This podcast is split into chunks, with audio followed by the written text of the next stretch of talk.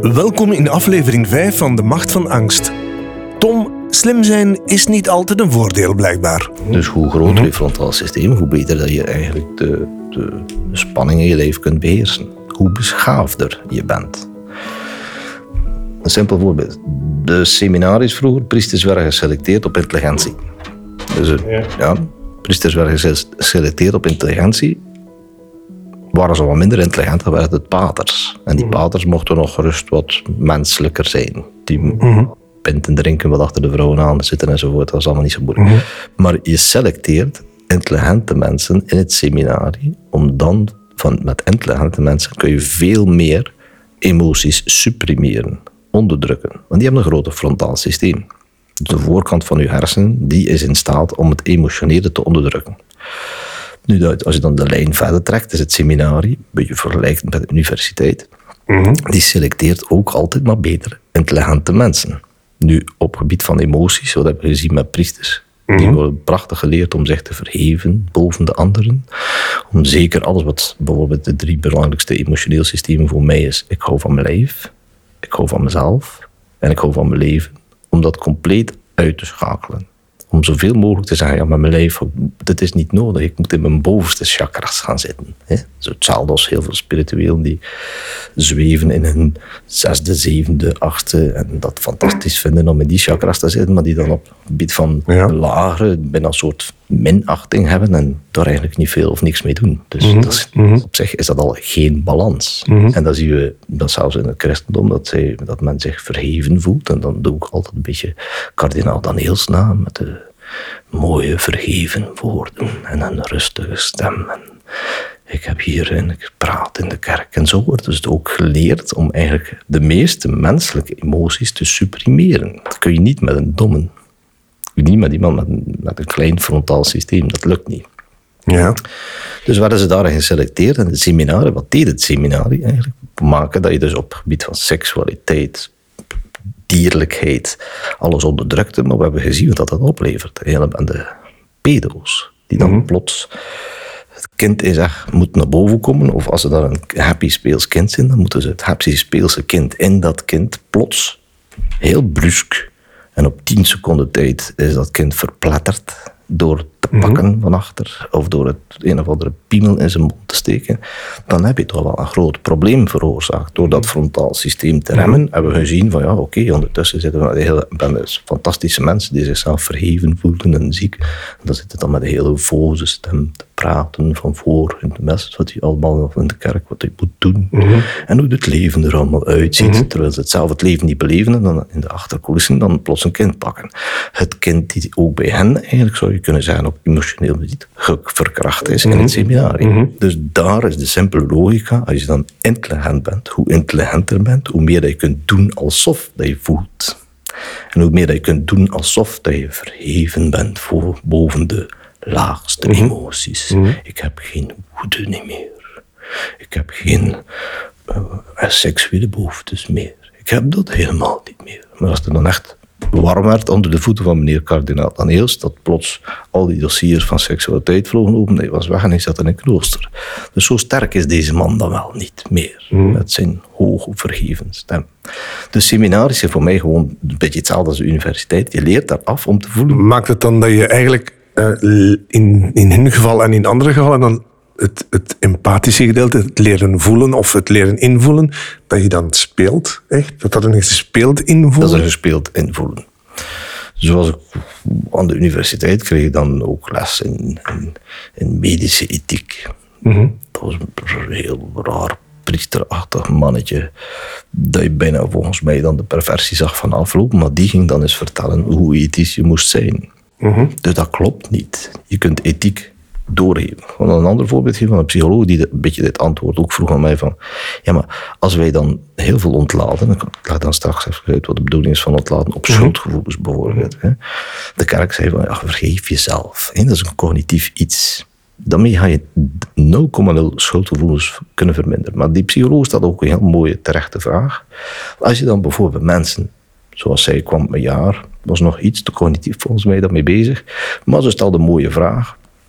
Als ik dan nu bijvoorbeeld technisch gezien, een psycholoog denkt graag door. Die vraag was ik mij deze week ook aan het stellen toen ik een gesprek had met iemand van schuld en, en spijt zijn twee onnuttige dingen eigenlijk. Ja. Maar dan verzeil je toch bijna in dat antisociale Ja. hoekje, bij wijze van spreken. Want als je geen spijt en schuld meer hebt, Ja. wel over nu. Ik vind ook dat spijt en schuld na al die jaren inderdaad niet veel nut heeft. Want Nee. dan ga je ongelooflijk veel piekeren. En dan, dan ben je bezig met het verleden. En dan kijk je niet meer naar morgen of naar nu. En dan, maar langs de andere kant vind ik dat een heel... Het is echt een dilemma, vind ik. Want ben ik dan niet iemand die gewetensloos wordt... Of is dat dan net een stap verder, dat gewetensloos? Ja.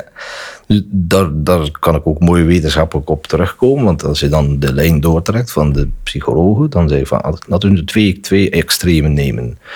Je hebt de, en dat is tegenwoordig een modewoord, de hoogsensitieven. Dat zijn eigenlijk de hoog zoogdierachtigen onder ons, de su- superdolfijnen onder ons. Dat is genetisch, dat wordt zeer sterk vermengd met hoog prikkelbaarheid enzovoort. Dat is niet juist, dat is niet correct. Wat is dan... Wacht, dan wil ik vragen even, voordat je doorgaat. Wat is dan het verschil? Het verschil tussen hoogprikkelbaarheid is dat je drie negatieve emoties onder spanning staan. Je bent gewoon te kwaad. Je bent te prikkelbaar. Eh, Je, spanning in je hoofd staat veel te hoog dat je de, de, de- de tikken binnen je eigen hoofd hoort. Dat je, dat dat je tinnitus in je hoofd hebt omdat je zo gespannen staat. hè. Dat is hoogprikkelbaarheid. Dus dat, je, dat is ofwel je woede, je angst of je diep verdriet veel te hoog staat. Als dat te hoog staat in je leven, dan zit je vol met spanning. Dat zijn de oorlogssystemen van uw emotioneel systeem. En dus dat heeft niets te maken met de drie, ik hou van mezelf, mijn lijf en, mijn, eh, en het leven. Dit zijn ontspannende systemen. Dat zijn systemen waar je van happy wordt. Dat zijn systemen die ook cannabis en heroïne in je brein eh, loslaten. De anderen drukken het gewoon onderuit. Dus als je dan de psycholoog terug verder bekijkt, dat, met zijn redenering, de hoogsensitieven hebben heel straffe, veel meer kernen in hun brein die bijvoorbeeld empathisch zijn. Ja. Dat zijn deze die in een volleybalploeg constant goed weten wie wat wilt, de pas kunnen zien afkomen enzovoort enzovoort. Als je de andere lijn trekt, dan heb je Dutroux. Dutroux is van kleins af aan genetisch niet in staat om empathisch te zijn. Dus die kan het niet. Kun je er eigenlijk technisch uithalen in de kleuterklas. Een paar oefeningetjes, we doen dat niet, dat is knettergek. Dat ligt politiek misschien raar, maar ik zou dat heel logisch vinden, dat je al in de kleuterklas de psychopaat eruit haalt. Je kunt er prachtige dingen mee doen. Dat hebben we in het vorige gesprek, allee, de eerste opname ook gezegd. En dat was bij mensen wel eens... Ja, dat is wetenschap. Hè? Als je er kunt... Maar is dat ook niet ehm, bijna aan lotsbestemming gaan doen door dat te doen? Maar nu grijpen we veel te laat. En dan komt er plots eh, gezinszorg, moet dan tussenkomen in een gezin waar het al veel te laat is. Die al die gast zijn eh, hele hoofd aan het verprutsen is. Die is ondertussen 14 jaar. En dan is het veel te laat. Als je dan met je gezinszorg afkomt, dan zitten gewoon die, die, die, die, mensen zitten zelf met stress en kunnen het probleem niet meer oplossen. Dus je, lost daar ergens een probleem op te laat. Dus ja, waarom moet je dan met gezinszorg afkomen? Waarom moet je dan in gezinnen binnenkomen en dan ook interfereren met hun pedagogische waarden of wat dan ook? Als je dan te, toch te laat bent voor de psychopaat. Begin gewoon vroeger en dan kun je zeggen van we gaan die mens prachtig begeleiden, want dat kan een ongelooflijke Noordpool eh, dakbewerker worden, eh, maar je moet in het liefdevolle gezin te- terechtkomen. Nu nog even de vergelijking. Dus de, de psychopaat, dan zei ik aan die psycholoog, kun je een psychopaat, in essentie, kun je daar schuldgevoelens in doen met uw ethische normering en uw ethische commissies. En nee, ja. Nee. Ik zeg, wat doe je eigenlijk als je dan met je ethische commissies, en sedert ja, de Jezuïeten en, en wat hebben we allemaal niet uitgevonden, ethische commissies, eh, zijn de meeste mensen heel veel normen en waarden opgelegd. Wat doe je met iemand die hoogsensitief is? Je steekt hem gewoon vol met schuldgevoelens. Dus wat kweek je? Aan de ene kant, met je ethische normering, heb je dan de extreme, bijvoorbeeld de psychopaat, die er zich geen bal van aantrekt en eigenlijk danst in een zee vol schapen. Schapen die vol gestopt zijn. En dat hebben we toch ondertussen nu gezien. eh, in de laatste honderd jaar dat mensen zo verschrikkelijk naïef zijn. En dat er heel veel politici of wat dan ook met hun voetjes konden spelen, omdat zij zo naïef waren. Waarom zijn ze zo naïef? Omdat ze vol met schuldgevoelens hebt gestopt. Sedert de 17e eeuw hebben hier de Jezuïeten fantastische systemen uitgevonden om elke zondag in de, de mis te zeggen hoeveel schuldgevoelens moet je hebben en hoeveel angst je moet hebben om, om door rotte vader niet gestraft te worden. Nee, dat is ondertussen al veel beter, al veel minder, maar wat, wat doe je dan? Je creëert een, bij de hoogsensitieven een, een heel bende schapen, angst, angstige, bange groot schuldgevoelige schapen, die dan meestal nog een energie weggeven ook. En aan de andere kant, de psychopaat raak je niet. Dus wat ben je dan met je ethische normering? De hooggevoelige, die zal hooggevoelig blijven, die heeft een waarde, een enorm systeem vanuit zijn hart. Dat is, maar als je mm vol van angst steekt, vol met schuldgevoel, dan verliest hij ook zijn hart, of dan heeft hij zijn hart weg. Dus wat heb je dan bereikt met je ethische normering? Plus de redenering is nogal redelijk filosofisch, want die mevrouw zei van ja, op het einde van de rekening dan, dan, dan, dan, dan moet je bijna een psychopaat worden. Ik zei, dank u, dan ben ik psychopaat, want ik ontlaat al twintig jaar aan een stuk als een hek. Dus dan dank u voor het compliment. U, u, ziet hier iemand voor u zitten en dan moet ik zeggen, dit is een psychopaat dan. Ik moet eraf zeggen, de psychopaat zijn. En dan, dan zei ze even, oh, sorry, sorry, sorry. Maar ik zeg, ja, je moet soms opletten met je redenering. Dus redeneringen, filosofen hebben hier al 2500 jaar gedaan. En dat is een pure redenering je daarop zit. Maar als ik u dan de realiteit schep, van wat doe je met schapen vol met schuldgevoelens tegen, wat doe je met uw droen, dan zie je plots van, dat heeft totaal geen zin. Al die ethische normeringen, zo weten heel veel mensen net hun angsten en schuldgevoelens afleren, zodat ze empathisch en voelend kunnen zijn dan zichzelf. Zeg je nu tegelijkertijd dat ethische normeringen overbodig zijn? Indien mensen minder angst, schuld en pure blinde woede zouden hebben, zou dat niet meer nodig zijn. Zeker niet voor de, voor de gevoelige mens. Die zou dat niet nodig hebben. Maar die gevoelige mensen, die kom ik heel dag aan die zijn gewoon van zichzelf te vernietigen. Die zitten vol met spanning, vol met stress. Die doen de ene depressie na de andere, omdat ze weer voor de zoveelste, soms een beetje sociopaten, uitgezogen zijn. Of narcisten. Dan lees een boekje over narcisten. Ik zei, je moet niet een boekje lezen over narcisten. Lees een boekje of voel wanneer de narcist over jouw angst, schuld, behaagzuchtige grens gaat. Dat is veel efficiënter. Dan doe je tenminste therapie op het niveau waar het probleem zit. Maar jij gaat over die grens. Die psychopaat weet heel goed hoe dat hij met jouw voeden moet spelen. Of die Als je nu zegt, lees eens een boekje, zou het dan, uh, is het dan verstandig om op jongere leeftijd daar eigenlijk een vorm van les in te geven en te krijgen in wat er kan gebeuren of wat er je kan overkomen, eh, of, of welke types van mensen er bestaan in de wereld. Maar doe je dan tegelijkertijd niet aan een soort van pre-vorming of pre, een soort van pre-programmering?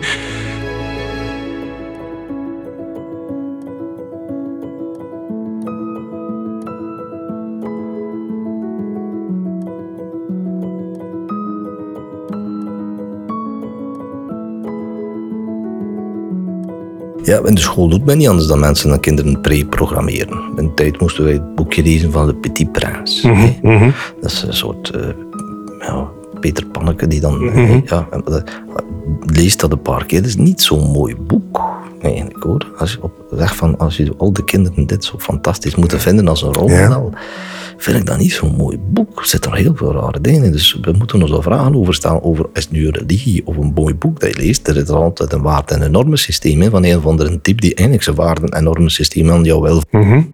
Mm -hmm. en, en, dit is de tijd, de mooie tijd waar we nu in zitten, is eigenlijk de tijd waar we al die mooie waarden en normensystemen dus moeten we onder de loep nemen en zeggen, wat zit er eigenlijk onder, onder dit verhaal? Maar dat is een oneindige discussie. Dat is een oneindige discussie, maar dan op een duur zeggen van, ja, wat, wat, wat, dit doen, de, het onderwijs doet dit al. Mm -hmm. Kinderen in keurslijven stoppen. Dus je zegt eigenlijk, wat is het verschil? Wat is het verschil? Het is net hetzelfde.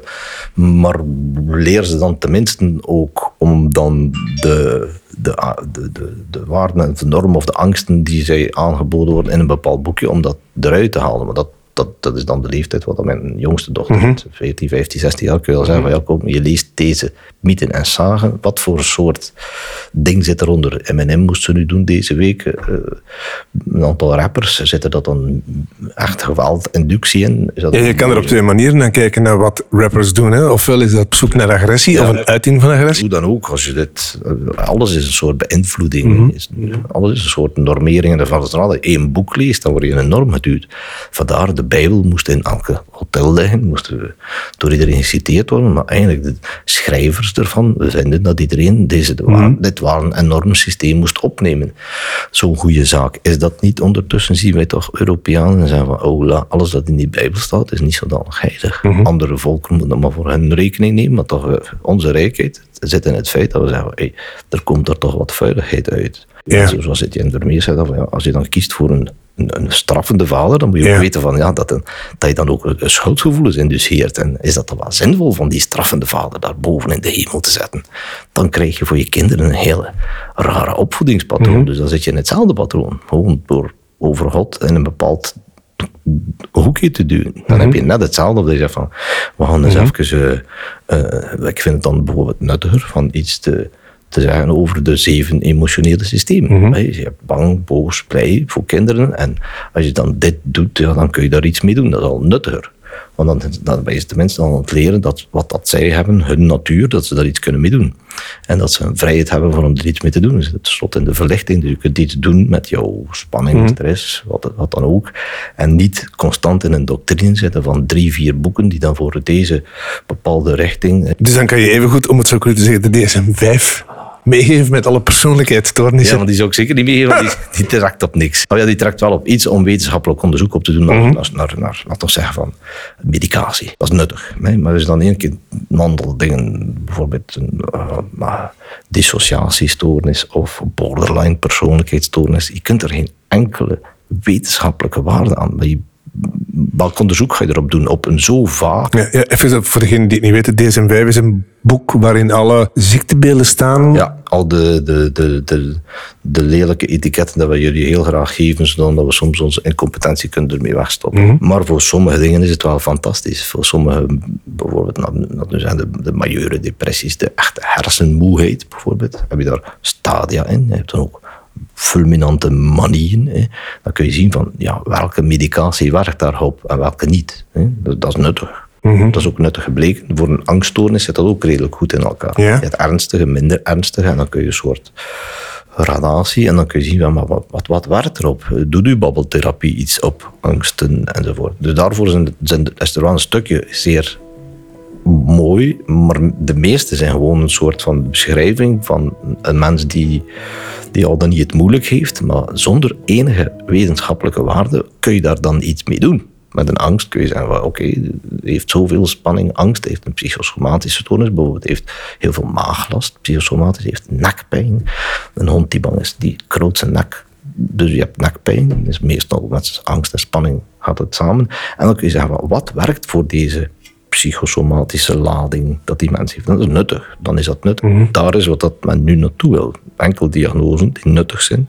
Nuttig zijn om daar al dan niet een mechanisme, een neurofysiologisch of een breinmechanisme aan te plakken, maar ook een therapeutisch mechanisme dat je zegt, ik kan het uittesten. En daar zit de psychologie dan, psychologie dan dikwijls in een soort ja, tweeledigheid. Enerzijds willen ze wel een wetenschap zijn, maar anderzijds poneren er ook diagnoses met persoonlijkheidsstoornissen. Waar je zegt van, hoe ga je er ooit een neurofysiologische reflex in je brein aan plakken en een behandeling die dan al dan niet dat verbetert. Dus kaders waar je zegt, ik heb er eigenlijk geen planning voor op termijn, vind ik eigenlijk, en dat is wat de Amerikanen nu redelijk rechtlijnig doen, mm als je geen visie hebt over hoe dit mechanisme mhm. werkt, een hartaanval werkt daar, daar, daar op die drie krans slagaders en één krans slagader is dicht. Dan gaan we daar een stent in stoppen bijvoorbeeld. Als je dit niet meer doet, dan ben je als wetenschapper, als psycholoog of psychiater, moet je niet meer afkomen. Dan krijg je geen fondsen meer. Je kan er heel ver in. Dus ik vind dat heel logisch redenerend.